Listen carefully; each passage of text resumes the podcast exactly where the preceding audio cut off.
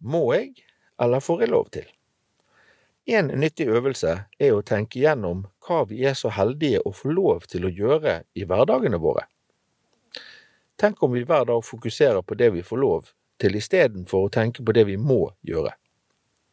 Det er ikke like lett for alle å tenke disse tankene, men det går an å trene på dette også. Tenk om vi for eksempel starter flere setninger med ordene jeg får lov til enn med ordene jeg må. Hør på disse setningene. Jeg må gå på arbeid. Jeg må gå i et møte. Jeg må trene. Jeg må gjøre ferdig dette prosjektet. Jeg må levere disse varene. Jeg må betjene denne kunden.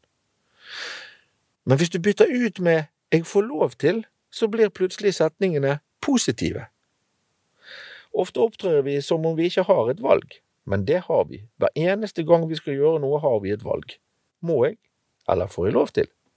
Det er opp til hver og en av oss å tenke disse tankene og tilnærme oss våre oppgaver og gjøremål med et sukk eller med et smil.